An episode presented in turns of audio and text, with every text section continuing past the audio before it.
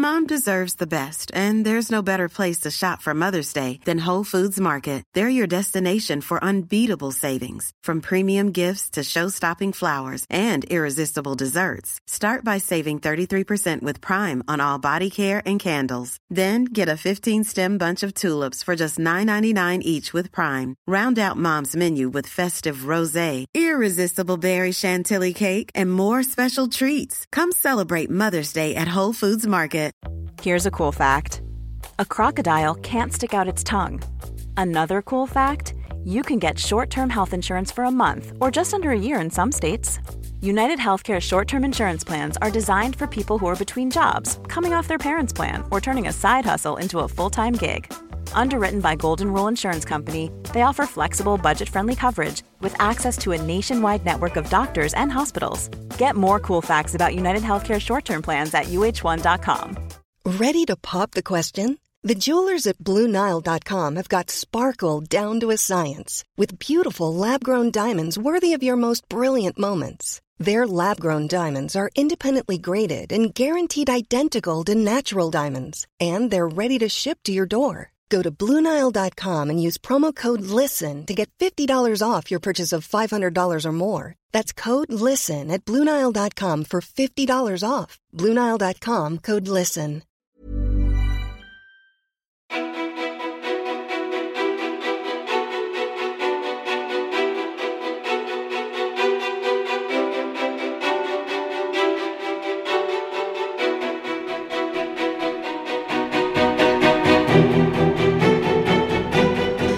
Petra Månström, eller Maraton-Petra som de flesta känner igen henne som, blev relativt nyligen influencer på heltid och satsar idag helt på sina sociala kanaler. Hon driver de framgångsrika poddarna Maratonpodden och Månström och Evelöv. Hon har 33 000 följare på Instagram och skriver bloggen Maraton-Petra. Hon har blivit utsedd till en av sportbranschens mäktigaste tre gånger, skriver böcker och försörjer sig på att prata om sin kärlek löpningen. Men Petra har också berättat om sina ätstörningar och hur de triggades igen under graviditeten. Hon har delat sina tankar om kroppshets, prestation och pressen hon känner. Hur påverkas hon av att jobba med sociala medier?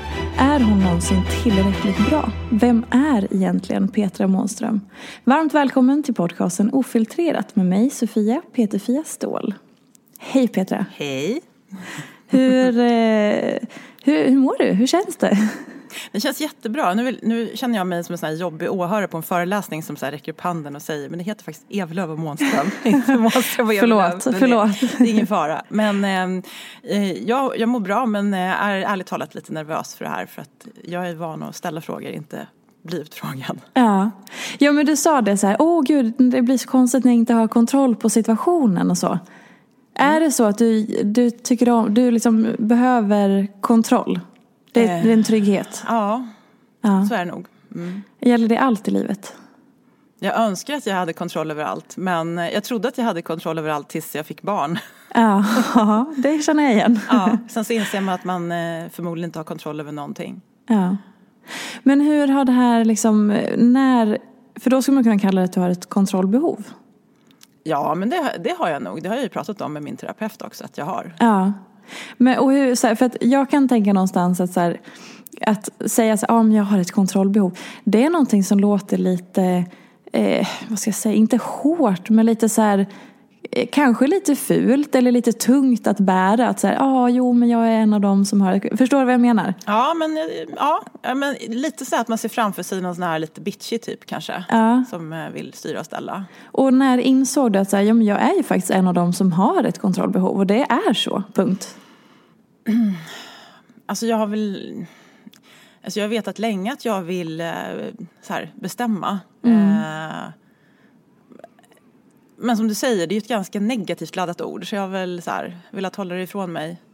Eh, men jag märkte ju när jag var anställd framförallt att jag hade svårt att så här, ta order från mm. chefen. Jag vill gärna göra som jag själv vill och så mm. och även i förhållanden så har jag tyckt att det varit jobbigt när Eh, folk vill så bestämma över mig. Så att, fast då har jag tyckt att det är ganska bra för då har jag så här, dels kommit fram till att jag vill vara egenföretagare och sen att jag, den killen passade inte mig så jag dumpar mm. honom. Ja. Men det är klart att det inte bara är positivt att ha kontrollbehov såklart. Vad har varit negativt med det? Nej, men jag blir ju jättestressad när jag märker att jag inte har kontrollen. Mm. Um, så här, ja, men som ett typexempel var ju när jag precis hade blivit mamma och tänkte jag hade någon idé om att jag skulle träna precis som jag gjorde innan. Mm. Eh, och körde på och eh, jag blev helt galen eh, för att jag inte fick till det. Och kände att jag hade problem med min identitet som ja, men så här, influencer som det Mm. heter. Så här. Vem är jag egentligen? Jag kan berätta rätt roliga scener eh, från mitt tidiga mammaliv. Eh, jag vet inte om de som har sett Kroppshets med Mia Skäringer har ju sett eh, Gulletussan eller vad hon heter. Och jag har ju faktiskt jag själv lagt så här du vet, eh, olika grejer på en bricka. Ställt mig på en eh, stol och försökt fota så kommer sonen och så här, river ner någonting eller kräks på det där. Och så tänkte jag ett tag så här, men jag kanske ska fota det istället. Jag kanske ska fota så här spyan på det här fina eh, ja, carpe diem-bordet eller vad jag nu har istället för det här som det blev. För det är ju bara att försöka lura folk att det ser ut så där. Det gör ju inte det. Så att det var jättelöjligt. Det kändes som att man förmedlade en bild på eh, sociala medier och, och levde ett annat liv. Ja, men jag tycker det är svårt. Um, alltså det är lättare att ha en bra balans när man, så här, man är någon slags så här, harmoni, när man har harmoni i livet. Men när man råkar ut för, för tuffa saker som till exempel när min pappa gick bort nu tidigare år eller ja, men när jag blev mamma. Då är det ju så mycket som händer. Så på, på ett sätt så vill man bara så här, gråta ut alla sina känslor. Och då vet man att det kommer folk att tycka är lite jobbigt. För de kanske inte är i samma eh, mode som jag. Så då kanske man håller tillbaka ännu mer tills det liksom brister. Eh, Jag tycker det är svårt. Ehm, Alla säger att man ska vara sig själv och, och transparent men jag vet inte fasen om det är någon som är sig själv egentligen. Och hur, för när jag tittar i dina kanaler och ditt flöde och sådär så är allting väldigt, väldigt fint. Ehm, och perfekt om det uttjatade ordet. Liksom. Men det är liksom väldigt, det är väldigt fint. Det är väldigt snyggt, det är väldigt liksom, eh, eh, uttänkt. Det här är min tolkning. Men det är liksom väldigt uttänkt och sådana saker. Så här, hur mycket strategi är det? Ja, men jag, ja, det är nog ehm, det är nog ganska mycket strategi för att ehm, jag märkte att ehm, jag gjorde en tydlig eh, satsning eller vad man ska säga för, kan det vara, ja, ett och ett halvt år sedan kanske. Började satsa mer på bilder och, och texter, inte bara slänga upp någonting. Ehm, och så märkte jag ju vad som gav eh, stort engagemang och vad som inte gjorde det. Alltså selfies på mig och sonen gav inte så mycket engagemang men om man la upp en fin eh, löparbild på sig själv eh, ur någon slags fördelaktig vinkel så gav det mer engagemang. Man blev repostad på stora konton och då märkte jag att men det här är bra. För tyvärr är det ju så att eh, när företag ska avgöra om de vill jobba med dig eller inte, ja, men då tittar de på följare och engagemang och sådär. Så att, eh, ja, ska jag vara ärlig så är det ju en strategi såklart. Och hur ser den strategin ut? Om du kan ta med oss bakom, eh, bakom dina kulisser. Ja, men jag tänker så här att eh, i och med att mitt liv är så, vad ska man säga, mm, vi bor i en jätteliten lägenhet, det är kaos där inne. Jag vaknar på morgonen, önskar att det såg ut som här där vi spelar in podden, men det gör det inte. Det är grejer och skräp och grejer och sånt där överallt.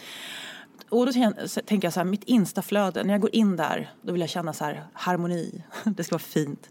På Insta-stories kan jag däremot eh, lägga ut lite mer verklighet. Fast jag lägger kanske på ett filter ibland när jag känner mig, du vet de här nattrynkorna som man får. Du, du kanske inte har kommit dit än men eh, då kan det hända att man tar eh, lite filter. Men eh, så att den uppdelningen försöker jag ha. Och vad händer i dig då? då? Men, alltså, jag kan lite avis på mm, alltså, så här, A-kändisar som eh, Bingo Rimér eller Camilla Läckberg om de nu är A-kändisar, men det tycker jag väl att de är. De kan ju lägga upp så här, nu vaknade jag på morgonen och såg så här trött ut och så får de jättemycket likes. Men det får ju inte jag. Skulle jag lägga upp något sånt då skulle folk tycka, vad fasen är det där? Jag vill ju ha löparinspiration. Just det. Eh, jag vill höra något peppigt. Så att jag kan känna mig lite bakbunden också av ehm, det som, som folk vill ha. Ja, vad intressant. Så det är som att du har liksom skapat bilden av dig själv och det är det som folk följer men det är inte riktigt där du vill vara, kanske längre. Ja, men samtidigt så tänker jag så här att det är ju ett jobb och det är ju en del av mig. Eh, inspirationen som jag ger Eh, ja, lite som Hanna var inne på också då att det, det är ju en slags tidning, ett magasin. Eh, det finns mycket av mig där men eh, inte bara. Ehm, så att eh, jag, jag, tycker inte att jag måste egentligen dela med mig av precis allt. Nej. Där. Så jag tycker ändå att det, det känns rätt okej. Um, men det är klart, som, som jag sa, jag skulle gärna vilja kunna alltså, lägga ut mer av mig själv och att folk faktiskt vill se det. Mm. Har du provat? Ja, men jag tycker att det är lite läskigt så här. För man märker så här, jag la ut äh, någonting. Ja, men jag märker bara när jag lägger ut på mig och min son. Ja, så blir det ofta så här jättedipp. Alltså det, det kan vara 200 som han följer. Mm -hmm. Och då känner jag så här, men gud, det här kan ju inte... Det, så här kan vi inte ha det. Nej. eh, om det är sonen eller att de, jag vet inte vad det är, men någon slags här, familjeliv, det vill de inte ha. Utan Nej. de vill ha så här, löpning. Eh, så att ja, jag vet inte riktigt. Jag kanske inte har försökt med rätt grejer. Men eh, om vi ska prata lite om så här, bekräftelsebehov och så. Vad har du för relation till ditt bekräftelsebehov? För jag tänker att alla människor har ett bekräftelsebehov. Att, men att de kan se olika ut. Ja. ja men jag, tror, alltså jag är ju en late bloomer. Eh, och då menar jag att jag, alltså, jag var helt ointresserad av eh, så här, smink och eh, kläder och sånt där. Fram tills att jag ja, men, kanske var så här, lite över 20. Men liksom hel, eh, hela högstadiet och gymnasiet så var jag så här, alltså fokuserade 100% på eh, studierna. Så sen så, mm, jag tror sociala medier det är lite så tvegat svärd för mig. För att eh, just den bekräftelsen som jag får nu, eh, den var jag inte i närheten av förut. Så att eh, man, får vara, man får vara lite aktsam där och liksom hålla koll på att det verkligen, eh, att det, ja, att man fokuserar på rätt saker. För det har jag mm. såklart märkt. Mm. Alltså i dig själv, hur du påverkas? Ja, men det är klart att det blir en kick. Mm. Om man ser att ja, men det här som jag la ut nu, åh vad många som, nu låter jag som värsta bekräftelsejunkin. Men alltså, jag tror att vi alla är det på något sätt. Sen mm. kanske man säger att man inte bryr sig, men... Vad är det du får bekräftelse för då? Ja, det kan vara snyggt löpsteg har vi sett kanske. Men, nej, men det är ju utseende. Mm. Alltså, eh, att du ser bra ut och fin i håret eller mm. du ser bra ut för att vara 40 plus. Ja. kan man få höra. Det är ju jag vet inte hur jag ska tolka den. Men, typ en förolämpning. Ja men lite så. Ja. ja kanske, ja, det kanske var en förolämpning. Jag vet inte, en liten dold, ja, doldis. Ja, precis. Mm. Ja men det är nog mycket, ja men så här, att du är så vältränad och ja, sånt mm. där. Mm. Men, och då tänker jag så här, för du har ju berättat öppet om att du har haft ätstörningar tidigare. Hur, är inte det lite farligt? Att få den typen av, av bekräftelse och när man också har varit sjuk och haft ätstörningar och hållit på då med sin egen kropp, sitt utseende och hela den biten. Och jag gissar att folk också kan vara så här, du är så smal, du är så vältränad och det är så fint. För det är ju så vi funkar i samhället att smalt är lika med fint enligt normen. Och då som att ha varit sjuk och så få den bekräftelsen, hur påverkar det? Eh, alltså, ärligt talat så har jag faktiskt inte, alltså, jag har inte tänkt på det så mycket i och med att när jag upptäckte träningen då försvann mm. ju min, mina ätstörningar. Sen har, sen har jag liksom haft lite så här återfall i huvudet men det har aldrig gått så långt så att jag har börjat mixtra med maten igen utan det har stannat i huvudet och det kan jag verkligen tacka all terapi jag har lagt ner. Att jag känner att nu kommer de här tankarna, vi stoppar upp dem så. Mm. Och det som jag tycker också är väldigt bra det är att nu kommer det mer och mer eh, en mer tillåt, förlåtande, tillåtande, accepterande syn på kroppen. Eh, men alla de här kroppsaktivisterna som, ja, som, tar, som tar plats. Jag tycker det är jättebra. För det gör ju också så här att eh, men fokus försvinner lite grann från att det som är smalt är snyggt. Mm. Tack och lov. Ja.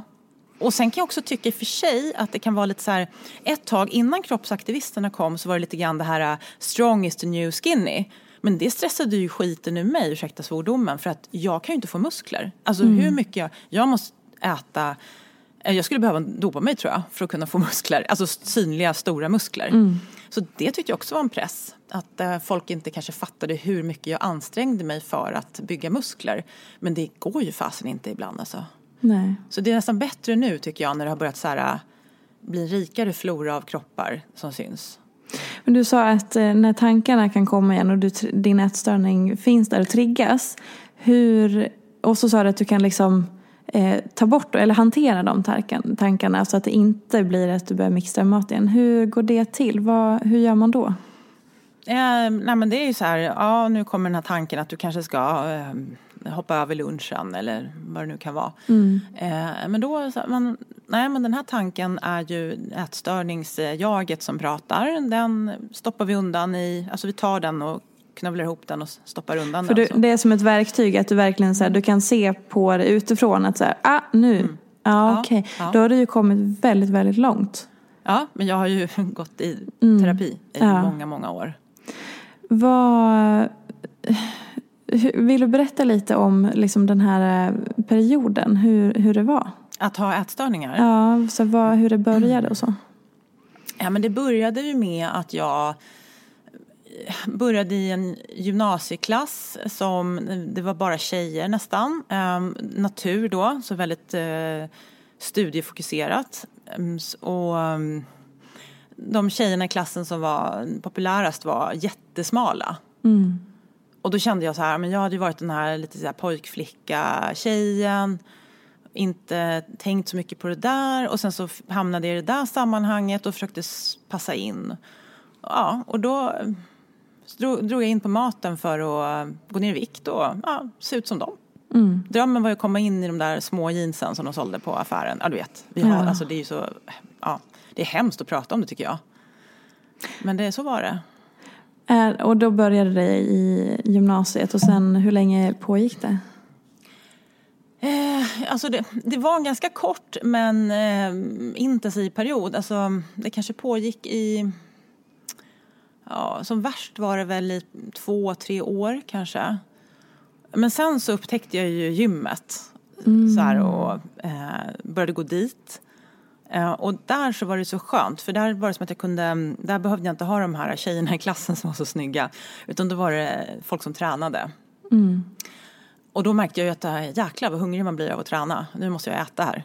Så, att, ähm, ja. Ah, så du fick inte någon behandling där och då utan du, fick, du lyckades på något sätt hitta en väg ut för dig själv? Mm, jag har aldrig fått, inte så här att jag blivit inlagd någonstans. Alltså det, och det där är också någonting som jag tycker är viktigt att prata om. För att alltså det finns ju väldigt många som lider av ätstörningar men som inte anses vara tillräckligt sjuka av samhället. Mm. Så de hamnar i någon slags gråzon. Alltså, du är inte tillräckligt sjuk för att få hjälp. Alltså, det är ju helt knasigt.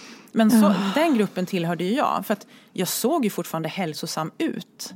Vad, vad hade du då en ätstörning UNS, UNS? Eller vad, vad betyder det? Det är ospecifierad, alltså, det är inte bulimi, det är inte anorexi eller ortorexi. Det är liksom en ospecifierad typ av ätstörning. Ja, så, så kan det nog vara. Alltså, det ja. var ingen som det var ingen som tog tag i mig och bara, nej nu ska vi eh, utreda här. Eller skolsköterskan.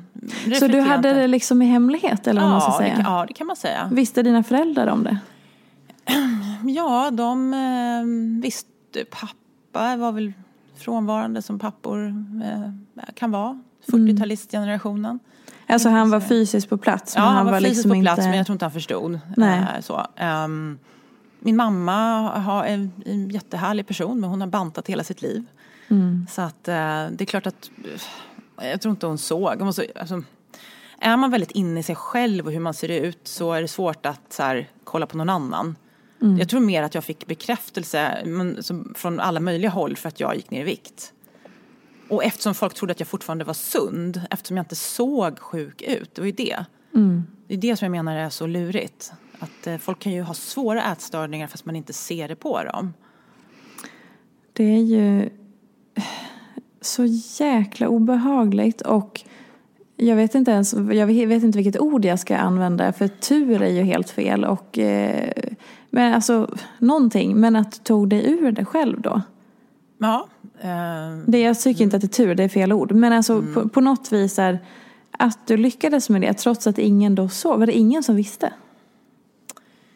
Alltså ja, det är möjligt att folk har vetat men inte sagt någonting. Mm. Um, men det här var ju på mitten av 90-talet och nej men alltså det var ju en allmän bantningshysteri. Alltså så här, mm. det var ju så konstiga produkter som kom också som inte innehöll något fett alls och alla bantade och Emma Sjöberg på minimjölken. Så, nej men alltså folk var mer så här, ah vad fräscht det ser ut. Mm. Och vad hände sen då? För då eh, hittade du träningen och mm. sen så, när började du gå i terapi? Eh, jag började gå i terapi ja, men runt där gymnasiet när jag var runt 20. Eh, och det som hände sen var att jag kom i kontakt med Friluftsfrämjandet i Uppsala. Eh, för jag har alltid liksom, haft en så här äventyrsgen eh, liksom. Så vi ja, men började med så här bergsklättring, paddling, eh, vara ute i skogen, åka skidor.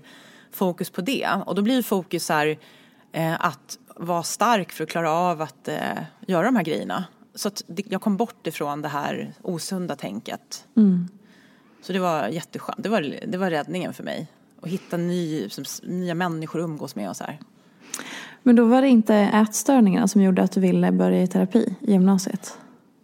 Nej, det var nog en allmän vilsenhet som tog sig uttryck i ätstörningar. Men att jag funderade mycket på, ja men vad vill jag? Eh, vad ska jag välja för inriktning, yrket? Alltså, men det var så mycket, ja, sortera upp tankar och sådär. Mm. Det var främsta anledningen till att jag gick i terapi.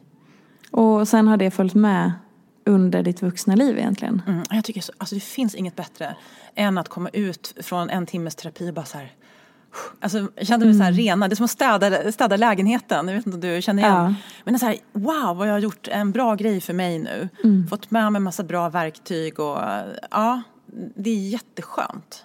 Vad har du fått för insikter från terapi då? Kan du berätta om någonting som, som den har gett dig?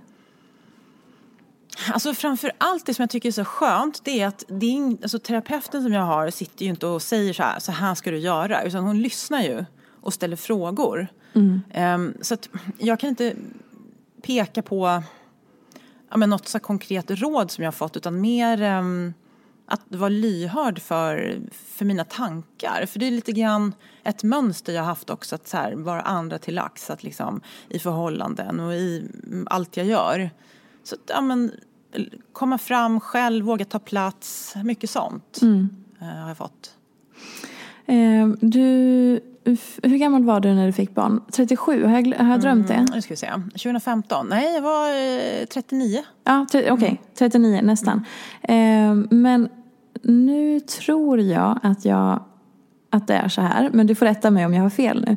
Men visst var du singel ganska länge och inte säker på att du ville ha barn? Mm, ja. Absolut, ja så var det. Eh, jag var helt övertygad om att jag aldrig skulle ha barn. Mm. Ehm, så att, eh, och det var ju inte planerat heller. Att, att du blev gravid? Eh, nej. nej.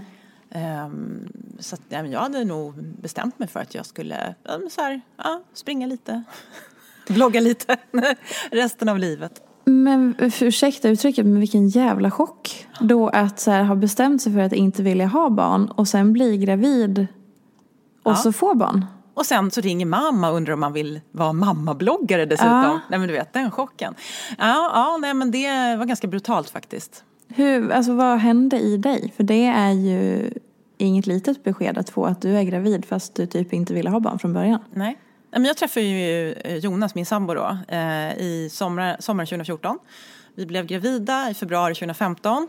Eh, och alltså Nej, det var ju helt overkligt. Eh, det var nog först när Adrian föddes som jag fattade att jag var, att jag var gravid, eller att jag skulle bli mamma. Mm. Det var jättebisarrt. Men var det ändå självklart att behålla när du egentligen inte hade tänkt det kanske?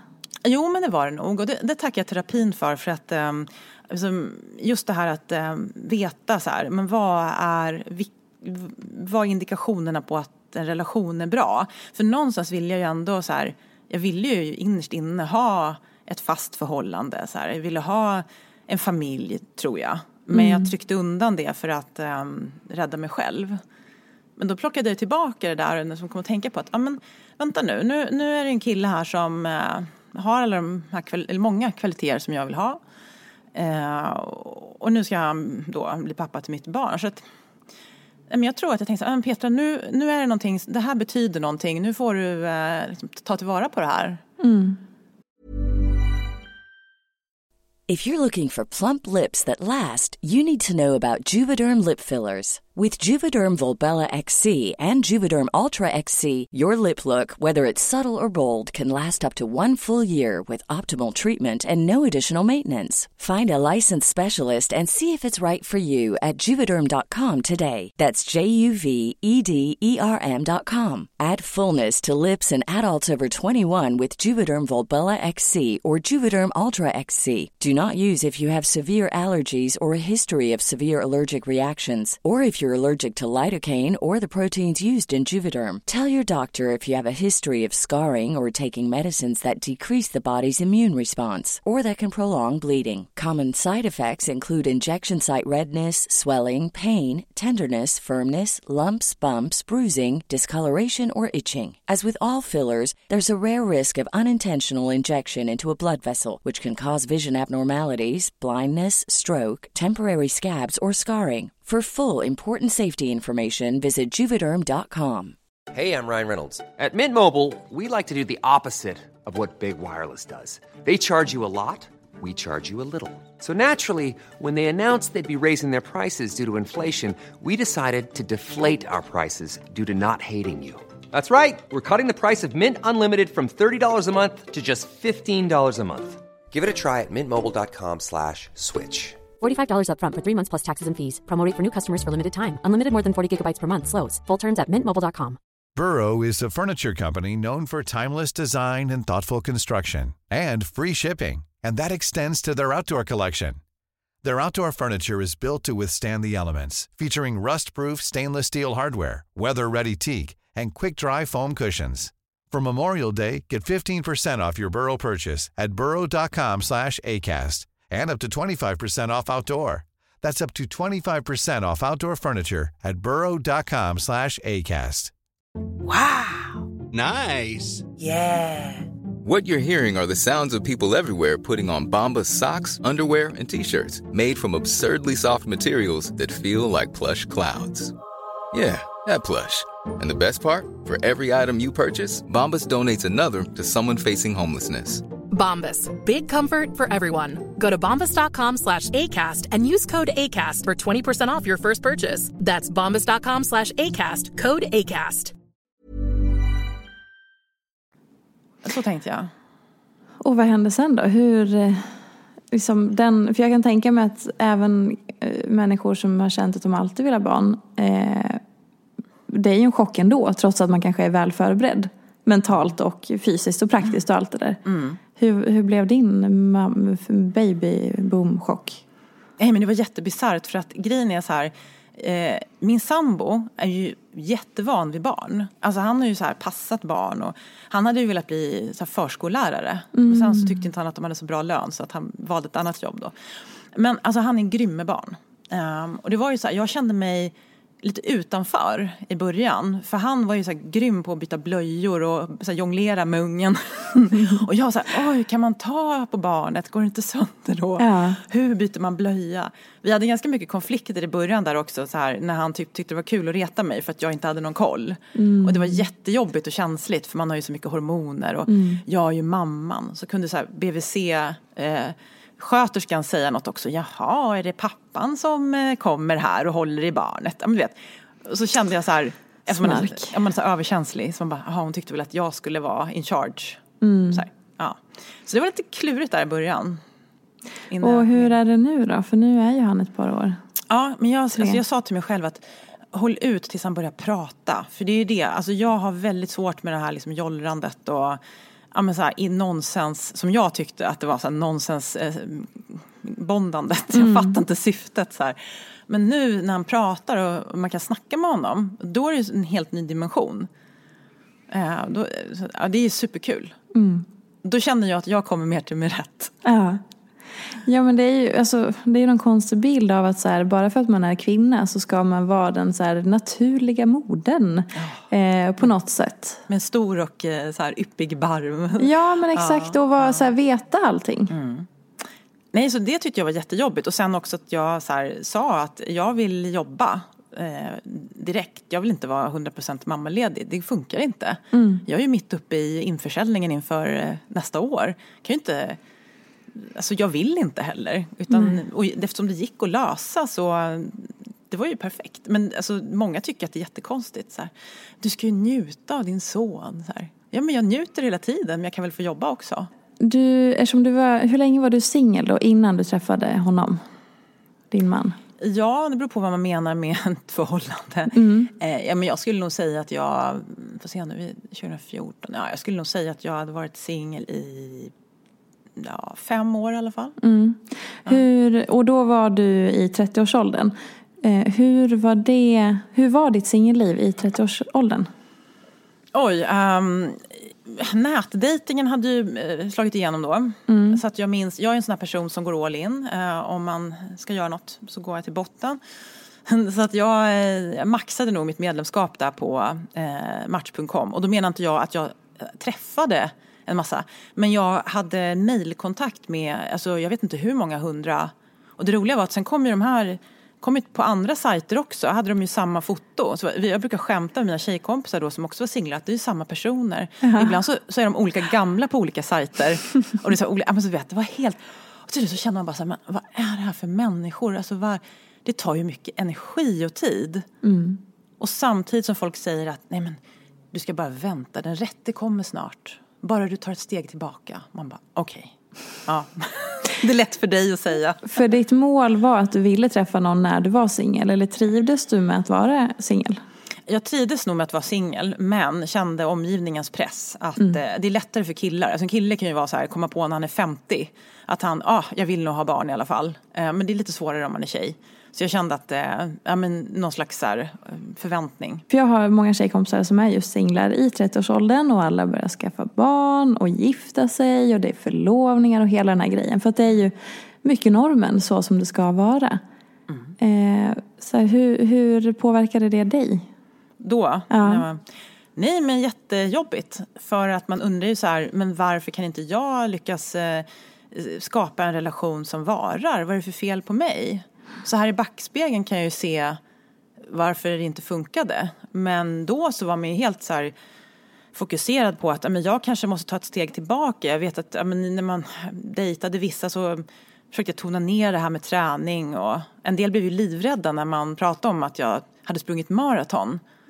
Skulle de inte försöka slå mina tider så skulle de så här, eh, kritisera. Men det var så här, eh, att vara kvinna och prestera i fys en fysisk idrott, det, är, mm, det är många män som har svårt med det.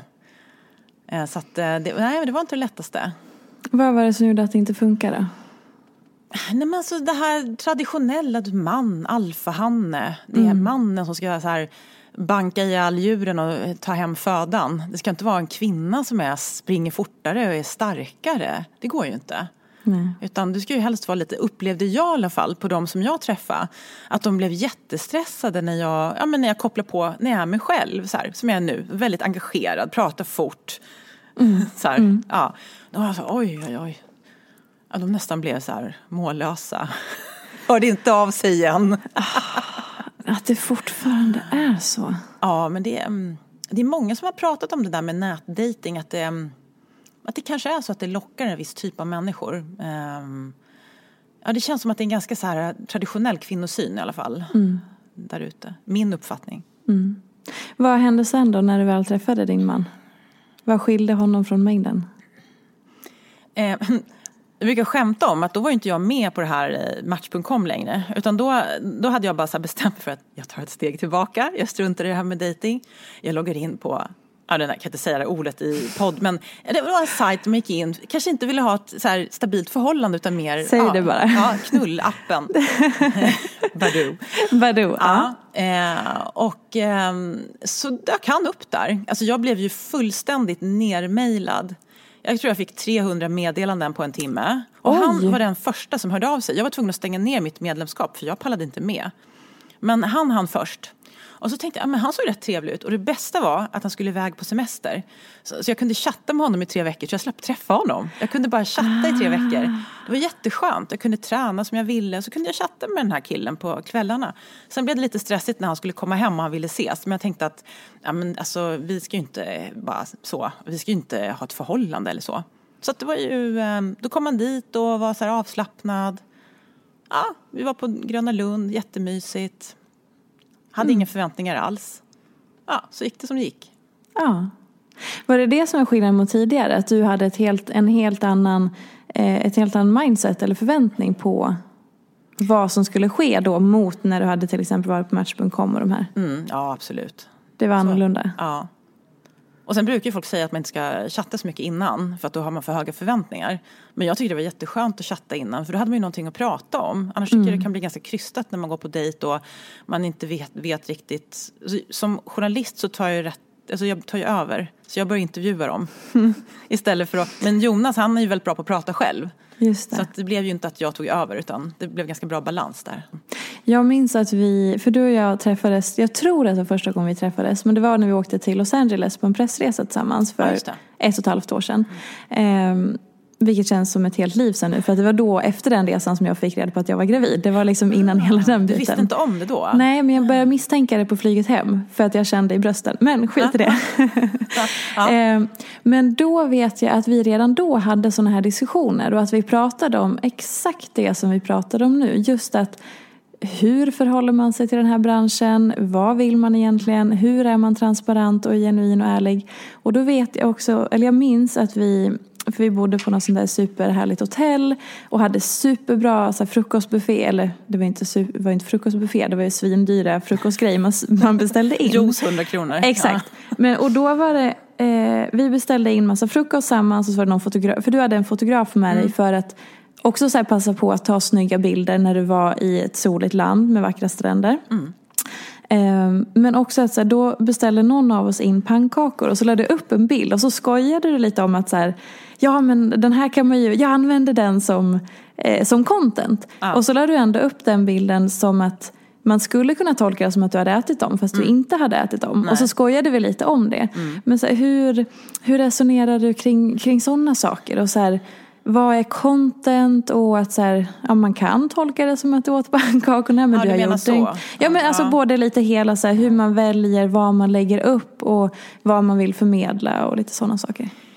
Alltså jag minns inte, eh, hade det varit pannkakor där så är jag väldigt förvånad över att jag inte åt upp dem. För jag Nej men det var inte dina pannkakor. Nej det var inte mina pannkakor. Nej, utan du tog en bild på någon annans. Ah, jag tog en bild på någon annans. Ja. Ah, jag fattar, då är jag med.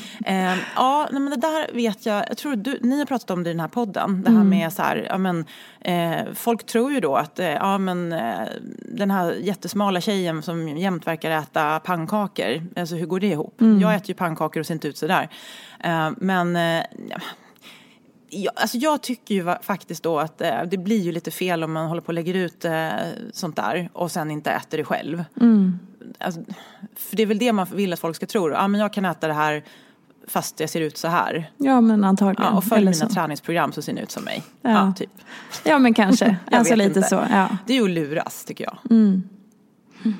Men så här, hade du Resonerade du annorlunda liksom för ett och ett halvt, två, tre år sedan? För det är också, skillnaden då var väl att då hade du precis blivit ny influencer, alltså på heltid, sagt upp dig.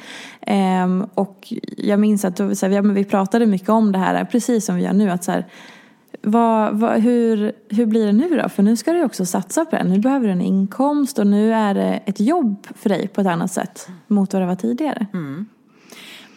Ja, nej men alltså det, visst är det så. Alltså det, det är ju en press att du hela tiden ska uppdatera och hitta något intressant att skriva. Det är ju som, man är ju sitt eget mediehus. När jag jobbade på Svenska Dagbladet så hade man ju eh, ett helt eh, hov med människor som redigerade, tog bilder, bestämde vad som skulle stå. Nu gör du allting själv.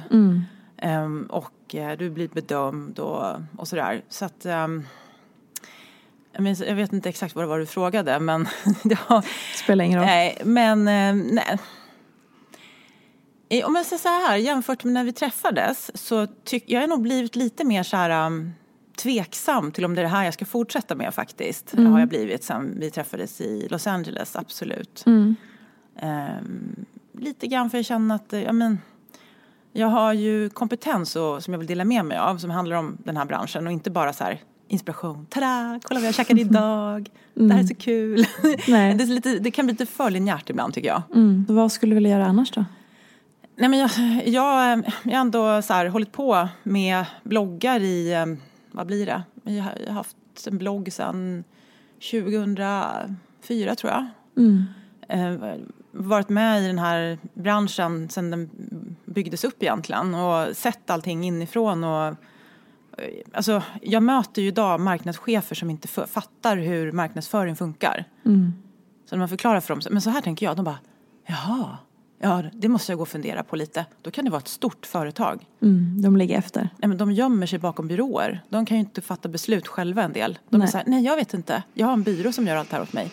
Okej, så jag skulle vilja vara någon slags här, rådgivande funktion till marknadschefer. Mm. För att förstå sig på det här och ja, men gärna också föreläsa och utbilda mer. Mm. Faktiskt. Och då ta ett kliv tillbaka från dina egna kanaler och inte vara Maraton-Petra. Eh, Alltså, jag är så kluven till det där namnet alltså. Alla vill ju ha maraton-Petra. Själv säger jag så här, jag vet inte om jag vill springa maraton och mer. Nej. så det är jättesvårt för det hänger Ja. ju kvar. För, Ja. eh, Och frågar jag följare så här, vad ska jag göra med det här namnet? Alla bara, nej du kan inte ta bort det. Eh, det är ju dig. Så här, jo det är det ju. Men samtidigt så är det ju liksom, en era Mm. som håller på gå över något annat. Känner du att du är på väg att ta ett kliv tillbaka från det? Eh, ja, å andra sidan kände jag att jag ville sluta på Svenska Dagbladet i typ eh, fyra år. Mm. Eh, så att, ehm, ja, men det, det kommer jag nog göra. Men jag måste hitta rätt form och så här, känna mig trygg i det innan jag... Eh, jag tror nog att jag kommer att fasa ut i sådana fall. Att jag bara helt enkelt bestämmer mig för att men nu kommer inte jag satsa lika mycket på sociala medier. Och så får det liksom ske lite så här, allt eftersom. Hur känns det då? Ja, men det är skönt. Mm. Ja. Jag kan känna att det är skönt att jag inte måste gå på alla så här mingel och pressfrukostar och så här. Att jag kan göra något annat istället. Ja. Det välja lite själv. För det låter inte som att du riktigt trivs. Av det lilla vi har pratat nu så låter det inte som att du...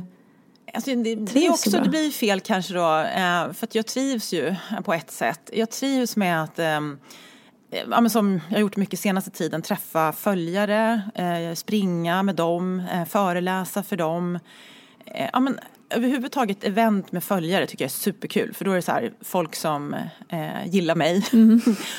Eh, Men just det där när jag hamnar i ehm, sammanhang där man ska så här, mingla med andra ehm, i samma bransch eller så här, ja, det är bra att prata med den och den för då kanske det här och det här kan hända. Ja, men det gör mig stressad. Så det finns väldigt mycket nackdelar med det här jobbet som folk inte pratar om. Eh, berätta om några fler nackdelar. Ja, man får hatbrev, hatmejl. Mm, hatmejl till och med. hatmejl och hatbrev. Har stått, Alltså på posten? Ja, Jaha. har inte du fått det? Nej, aldrig faktiskt. Än så länge. Ta i trä. Mm, nej, men det har jag fått lite grann. Eh, några gånger per år brukar det bli. Vad skriver folk då? Ja, det kan vara att du är ful. Eh, fula tänder fick jag nyligen. Eh, någon hade hängt upp sig på att jag så här, ja, men du vet om man lägger upp en Instagrambild och sen så kanske den inte går så bra. Eller jag kände att den här passade inte i flödet, då tar jag bort den.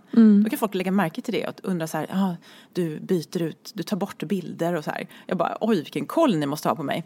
Ibland undrar jag om det inte är samma person som skriver ibland. Eh, men det kan vara så här, Ja men all så här, utseende, ja men att jag är så här patetisk för att jag tränar med elitidrottare och så, ja, sådana där grejer. Mysigt. Ja. Och sen så har jag varit på um, löpartävlingar och um, så har det suttit någon så här tränare, jag ska inte hänga ut folk här men som ganska högt då kan säga så att jag hör att ja idag kan ju vem som helst bli sponsrade eh, med löparskor. Man behöver inte ens springa fort för att bli det. Så att eh, ja, nej, men det, Ja. det är tufft alltså. Det är inte alltid som det är så jäkla mysigt. Nej, det förstår jag verkligen. Eh, Du skrev ett inlägg bara häromdagen, kan ha varit igår, eh, som var väldigt personligt om eh, att du känner att du är väldigt stressad just nu. Och du nämnde någonting om att klara dig fram till julen eller överleva julen och att du känner att du är hungrig hela tiden och du känner inte igen dig själv i liksom stressen. Eh, vad, kan du berätta lite om, om det? Mm, alltså, och sen vill jag poängtera som överleva jul. Jag fick några så här, meddelanden från folk som var oroliga. Alltså, överleva menar ju inte jag då. Alltså, jag menar kanske inte sådär, ja, kommer jag leva eller dö? Utan Nej, mer så här, kommer jag klara? Mm. Alltså rent fram till julen. Ja, alltså så här, så här, alltså, det här som hände med pappa då. Han, han gick ju bort eh, hastigt i hjärtinfarkt från ingenstans. Och just det här med att mörkret kommer samtidigt som jag inte riktigt har hunnit ta tag i sorgen känner jag för att um, men, ja, jobbet och allting rullar ju på. Mm. Uh, så att man inte riktigt, men jag känner ju att mörkret som kommer nu, det, gör ju, det har en effekt på mig. att um, det, det, gör att man får mer så här, tankar på, uh, blir påmind om och just julen eh, var ju som en högtid när vi alla umgicks och så. Så mm. där funderar jag mycket på vad ska jag göra? Ska vi, ska vi dra iväg någonstans bara och så här, mm. får, så vi slipper uppleva det här. Eh, så det är mycket sådana tankar och um, att jag inte riktigt hinner um, för jag vet inte riktigt, jag har ju försökt att ta reda på det i terapin, så här, hur man bearbetar sorg. Jag tycker också att samhället är ganska har inte så mycket förståelse för hur, man, eh, hur sorg påverkar oss. Mm. Eh, som, jag, som, du sa det här med hunger, alltså, jag menar jag har fått det medicinskt bevisat att um, alltså man bränner mineraler i kroppen. Alltså stress bränner mineraler så att du, mm. du går på högvarv. Eh, och liksom kanske måste ta kosttillskott för att mm. eh, funka. Mm. Så. Och det tänker inte många på. Nej. Till exempel magnesium som är så här viktig mineral. Så man bara så här, när man är uppe i varv så här, då bara bränner man magnesium så att, ja det är helt sjukt. Jag hade ingen aning om det. Mm. Det är verkligen, alltså egentligen så stress äter ju upp en inifrån. Mm. Eh, på olika sätt. Inifrån och ut egentligen. Och, och sen grejen är också så här, när det är en sån här grej så jag ser ju inte riktigt slutet. Man vet ju inte riktigt när kommer jag har bearbetat klart. Mm. Det skulle vara skönt att veta så, ja men den 31 januari 2019 då kommer du ha bearbetat klart. Men, och någon sa till mig, det är bara att du bestämmer, sätt ett datum när du har bearbetat klart. Men det funkar ju inte så. Nej. Jag kan inte sätta ett datum. Så att, någonstans är det skönt att skriva av sig också. Eh, samtidigt som jag märker att alltså, folk blir ju väldigt, eh, väldigt berörda och, så här, och oroliga. Och det är ju bra att de engagerar sig. Eh, men här är jag nog mest egoistisk för jag tycker bara att det är skönt att få ur sig. Mm. Ja men såklart. Har man det forumet så är det väl jätteskönt att få uttrycka sig. Och också lite för att koppla tillbaka till det som vi pratade om i början. Att, så här, att du får ta din egen plats i dina egna kanaler. Att säga, nej men nu känner jag för att dela det här. För det var det du mm. kände lite att du inte kan göra för att du mm. behöver anpassa dig efter väldigt mycket yttre faktorer. Mm. Men där tar ju du en egen plats och säger nej men nu känner jag för att dela med mig av det här. Mm. Punkt slut. Mm. Ja precis. Men samtidigt så kan jag också känna så här, jag vill inte vara en av dem som pratar om hur det är att må dåligt. Alltså det har mm. blivit lite så trendigt idag att vi ska prata om att vi mår dåligt och skriva böcker om det och så här. Och det kan också bli så här lite uttjatat. Mm. För att folk kanske känner efter lite för mycket ibland. Eh, men det är viktigt att man känner efter. Jag är fortfarande kluven i det där. Um, för det är ju, jag tror vi mår, vi mår ju bättre än vi tror också. Mm. Någonstans. Vad är det som gör dig kluven då? Ja men alltså det här att många kanske får för sig att man måste, ja men nu när alla mår dåligt och skriver böcker om det, då kanske jag också måste må dåligt för att det är trendigt. Är du med? Alltså vi, mm. vi vill ju göra som våra förebilder. Mm. Om den här mm. influensen som är så stor och känd har det här problemet, det blir en slags projicering. Ja. Det är väldigt, eh, ja men det är delat. Eh, på ett sätt så är det ju det mest, det viktigaste som finns tycker jag, att vi har börjat prata om psykisk ohälsa. Eh, samtidigt som det kan ju bli såklart fel när man tror att livet går ut på att vara lycklig hela tiden. Det är, har man en dålig period eller en svacka så är någonting fel om man har psykisk ohälsa. Så är det ju inte utan det är ju en naturlig del av livet att må dåligt i olika perioder av olika mm. anledningar. Mm. Utan att man är sjuk eller det är katastrof. Så jag, jag, jag förstår den poängen. Samtidigt som att jag vill inte, för jag hörde någon annan prata i en annan podd på vägen hit om just det att så här, ja, men vi får inte prata så mycket om att folk mår så dåligt och det blir katastrof och så. Mm. Ja absolut men vi får inte glömma att det är skitviktigt att vi äntligen vågar prata om det. Men såklart, allting Absolut. Nej, men jag I, med. Alltså, det är så svårt. Mm, det är jättesvårt. Men alltså, jag tycker att det är viktigt att ändå ha en slags dimension av eh, lite eh, realism ändå i det man gör. Det är viktigt för mig. Mm. Jag skulle aldrig kunna gå ut i mina sociala medier och säga så här, ja det är bara att le. le mot världen så kommer allt att lösa sig. Alltså det kommer aldrig att hända. Det finns sådana människor, jag, jag tycker de är härliga och det, liksom, folk inspireras av dem jag tycker också att det måste finnas en mångfald att man så här, ja men okej. jag är inte en sån inspiratör. Utan jag har, jag har lite så andra grejer också ibland. Eh, och det tycker jag är bra. Mm. Och det är ju du också väldigt bra på att så här, lyfta de bitarna. Samtidigt som du liksom, har... Eh, jag önskar att jag la ut bilder på min amningslugg faktiskt. Den jäkeln alltså, den amningsluggen var inte rolig. Du ska veta att jag faktiskt retuscherade bort den. Gjorde du det? Ja. Jag hittade någon sån här app där man kunde klippa bort eh, amningsluggen. Jag kände den vill inte jag. Men jag tycker det är så härligt att du eh, lägger ut den. Det Tack. borde jag ha gjort. Du kanske har någonting annat som du kan bjuda på? Du, är faktiskt lite, jag har lite amningslugg fortfarande. Mm. Jag, jag faktiskt ammade aldrig, men jag fick amningslugg ändå. Jag vet inte hur det gick till. Men, Ja men jag tror att det egentligen har inte med amningen att göra utan det är någon slags eh, postgravid, eh, det är bara någon reaktion på att man har fått barn så tappar Exakt. man håret. Exakt, Eh, Så kallar man det lite slarvigt för amningslugg. precis. Men alltså jag känner att det var, det är så väldigt spännande att prata med dig och vi har varit inne på väldigt mycket olika, väldigt många olika saker. Vill du lägga till någonting? Jag vet inte, starta inte dagen med ett leende. Starta med att krama någon. Ja, det är viktigt. Om man har någon. Om man har någon. Annars så tar man eh, någon som man, hit, alltså, som man träffar under dagen. Exakt. Ja. För Man kanske inte lever ihop med någon, Nej, men eh, någon, någon annan. man träffar under dagen. Ja. Ja. Fint! Tack så jättemycket för att du ville gästa den här podden. Och eh, ni hittar ju Petra på Maraton Petra i sociala medier, både blogg och Instagram. Och eh, LinkedIn och alla sådana, Petra Månström. Lite överallt finns Mm. Ja, det. det är lite här och där. Man, man kan googla nästan bäst så dyker det upp lite saker. Och lyssna på båda poddarna. Eller hur? Yes. Tack så jättemycket för att du kom hit. Mig gärna i sociala medier. Jag heter Peterfia på Instagram och bloggar på peterfia.se. Vill du komma i kontakt med mig så gör du det på info.peterfia.se. Jag vill rikta ett stort tack till Acast för studie och stöttning och ett stort, stort tack till geniet Elin Sjödén som klipper den här podcasten.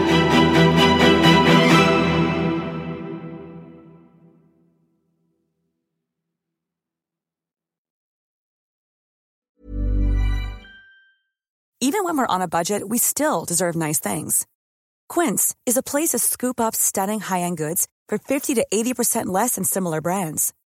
They have buttery soft cashmere sweaters starting at $50, luxurious Italian leather bags, and so much more. Plus, Quince only works with factories that use safe, ethical, and responsible manufacturing. Get the high-end goods you'll love without the high price tag with Quince.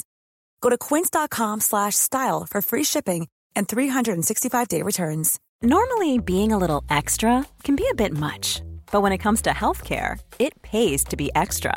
And United Healthcare makes it easy with Health Protector Guard fixed indemnity insurance plans. Underwritten by Golden Rule Insurance Company, they supplement your primary plan, helping you manage out of pocket costs without the usual requirements and restrictions like deductibles and enrollment periods. So when it comes to covering your medical bills, you can feel good about being a little extra. Visit uh1.com to find the Health Protector Guard plan for you.